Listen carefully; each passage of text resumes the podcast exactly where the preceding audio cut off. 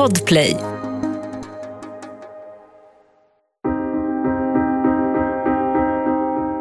Den 13 augusti 2018 kommer Shannon hem från en arbetsresa. Klockan är två på natten. Men bara några timmar senare kommer det in ett samtal till polisen. Kärnen är spårlöst försvunnen, likaså hennes två döttrar. Du lyssnar på Värsta morden, en podcast av Saga Lindqvist Springhorn. Denna säsong baseras på fall som ni lyssnare har tipsat om. Jag vill varna för grovt innehåll och ingående våldsskildringar. Chris och Shannon träffade varandra 2010 och gifte sig två år senare. Tillsammans fick de dottern Bella 2013 och senare Celeste 2015. De hade ett fint liv ihop och värdesatte sina döttrar mer än något annat. Shannon såg ständigt till att dokumentera sitt liv för att sedan dela med sig av videoklipp, bilder och tankar på Facebook. För tiden då hon träffat Chris hade hon mått oerhört dåligt. Hon hade drabbats av sjukdomen SLE, en kronisk inflammatorisk sjukdom. En sjukdom som bland annat kan drabba inre organ och huden. Men när Chris kom in i hennes liv förändrades mycket. Hennes liv fick ett uppsving och han räddade henne där och då.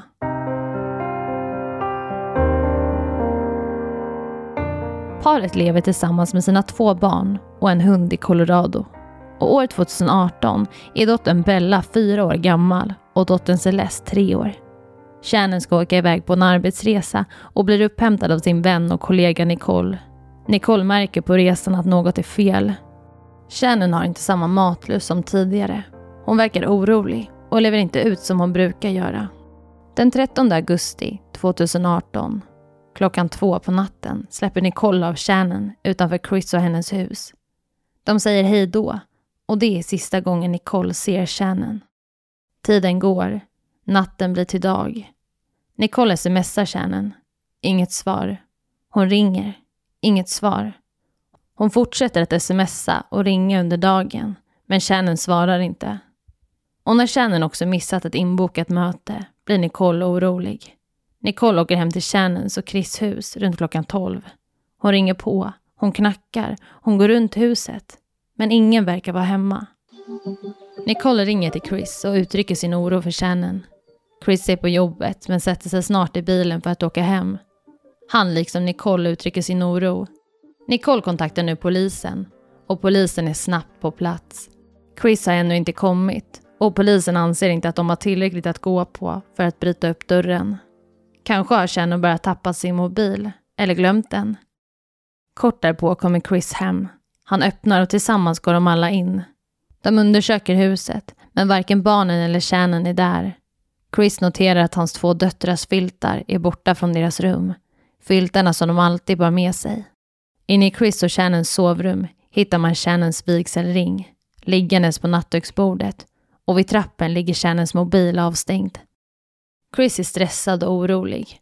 Han slår på Shannons mobil och det plingar febrilt. Chris har skickat sms och ringt, likaså Nicole.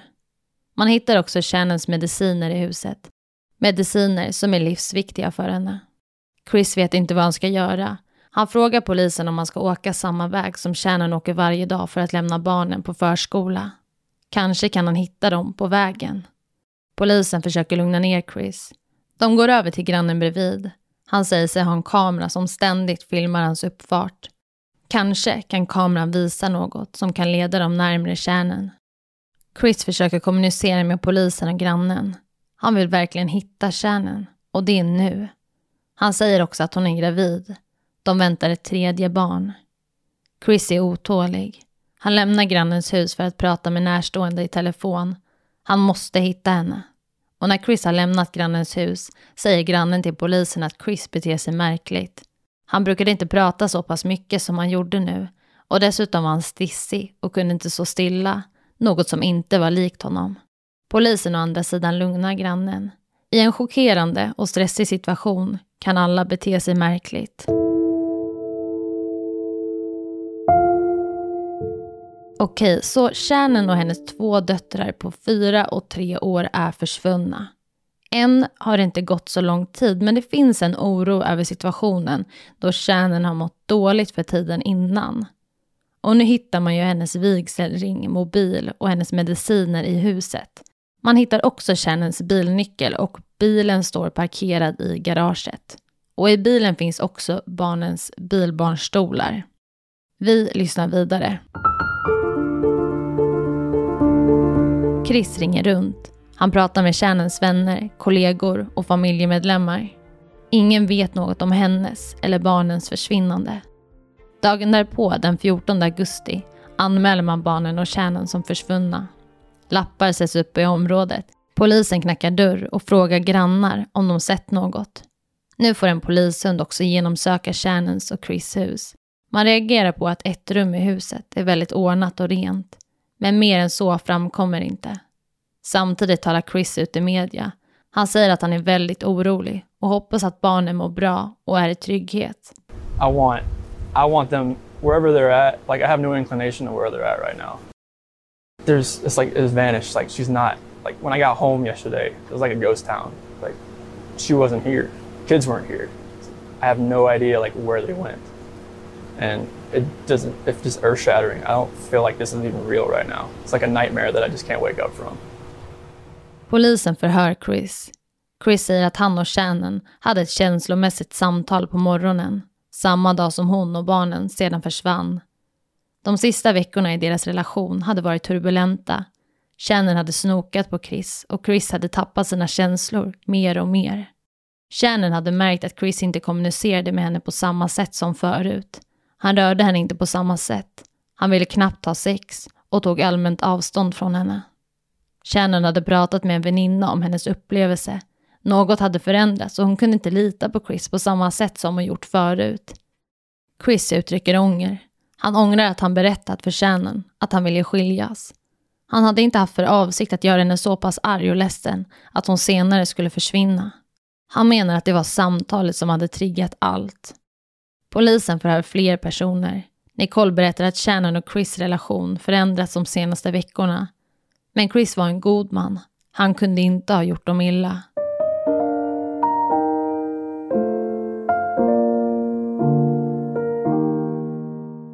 Okej, vi ska gå tillbaka i tiden. Sju veckor innan Shannon och barnen försvinner har Shannon åkt med barnen till North Carolina. I North Carolina bodde både Chris och Shannons föräldrar, så barnen skulle nu få tid med sina mor och farföräldrar. Så Shannon och barnen ska vara bortresa några veckor utan Chris. Och under den här tiden så har Chris träffat en ny kvinna som han också nu spenderar all sin tid med. Shannon märker i sin tur att Chris inte hör av sig. Han frågar inte hur barnen mår, han svarar inte när hon ringer och han är disträ på ett sätt som Shannon aldrig tidigare upplevt. Och det gör att hon nu börjar misstänka att något är fel, att han har träffat en ny. Polisen vill komma närmare sanningen så de frågar Chris om han har träffat någon annan. Men Chris säger nej. Han menar att han aldrig någonsin skulle kunna bedra sin fru. Men för tiden som polisen frågar det här så vet de faktiskt att Chris har träffat en annan. Och de förstår nu att Chris talar osanning.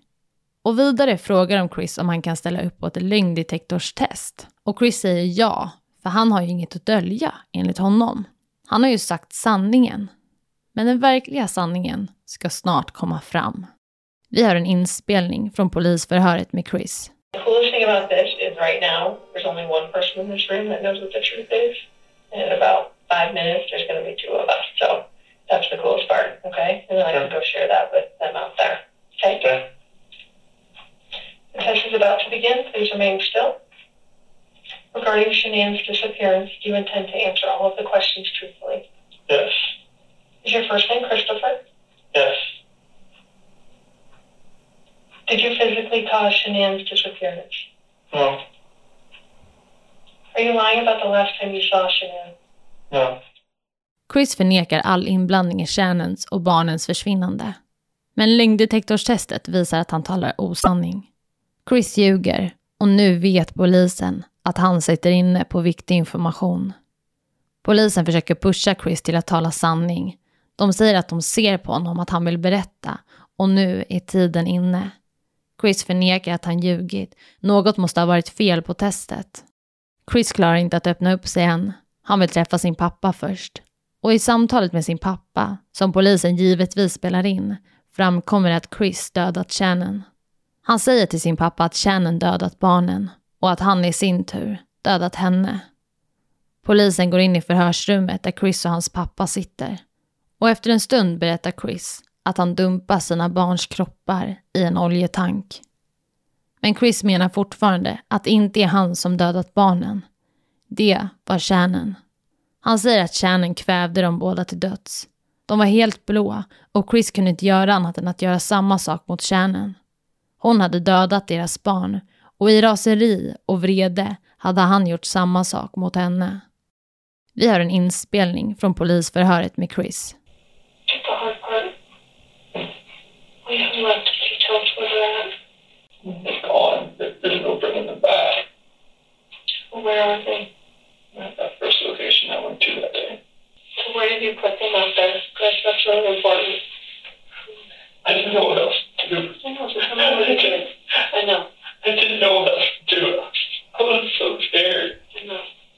Så Chris säger nu att han dödat Shannon på grund av att hon dödat deras barn.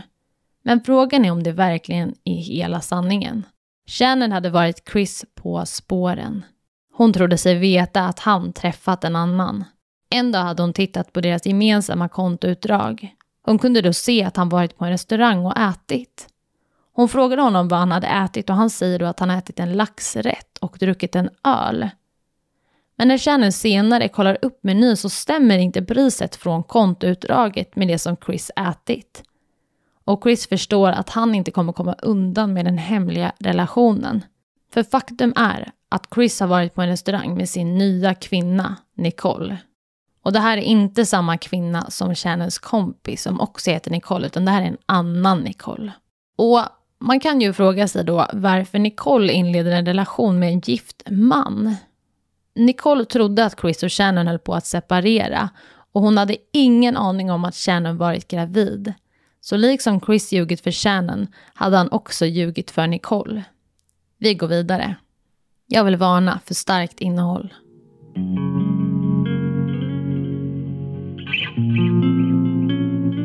Man hittar nu Bella, fyra år, och Celeste, tre år, i varsin oljetank. Shannons kropp hittas en bit därifrån, nedgrävd i marken.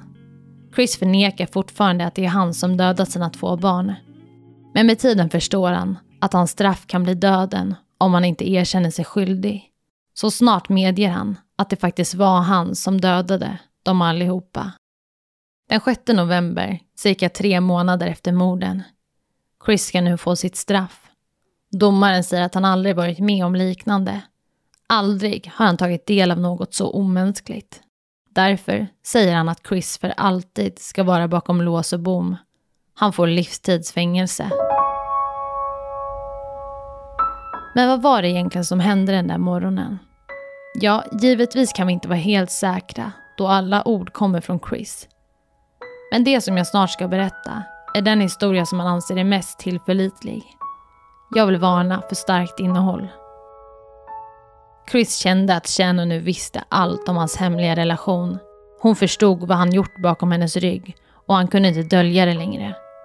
När Shannon kommer hem den där natten, runt klockan två, lägger hon sig bredvid Chris. Hon börjar smeka honom och snart har de sex. På morgonen när de båda vaknat säger Chris att deras relation inte kommer att fungera. Han vill skiljas. Shannon blir arg och säger till Chris att han aldrig mer kommer att få träffa deras barn.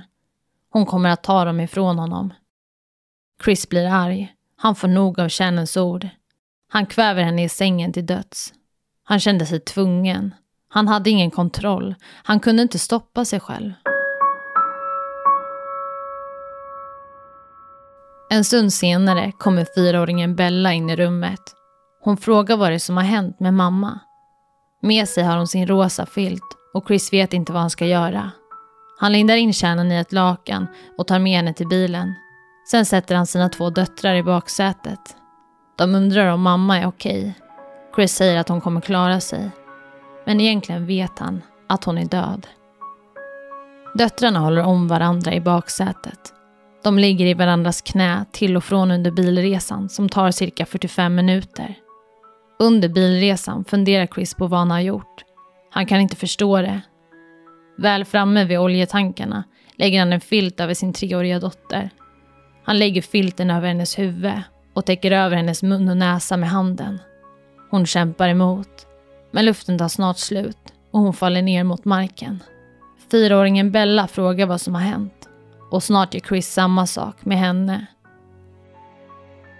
Chris dumpar sedan barnens kroppar i varsin oljetank. Därefter gräver han ner kärnens kropp en bit ifrån oljetankarna.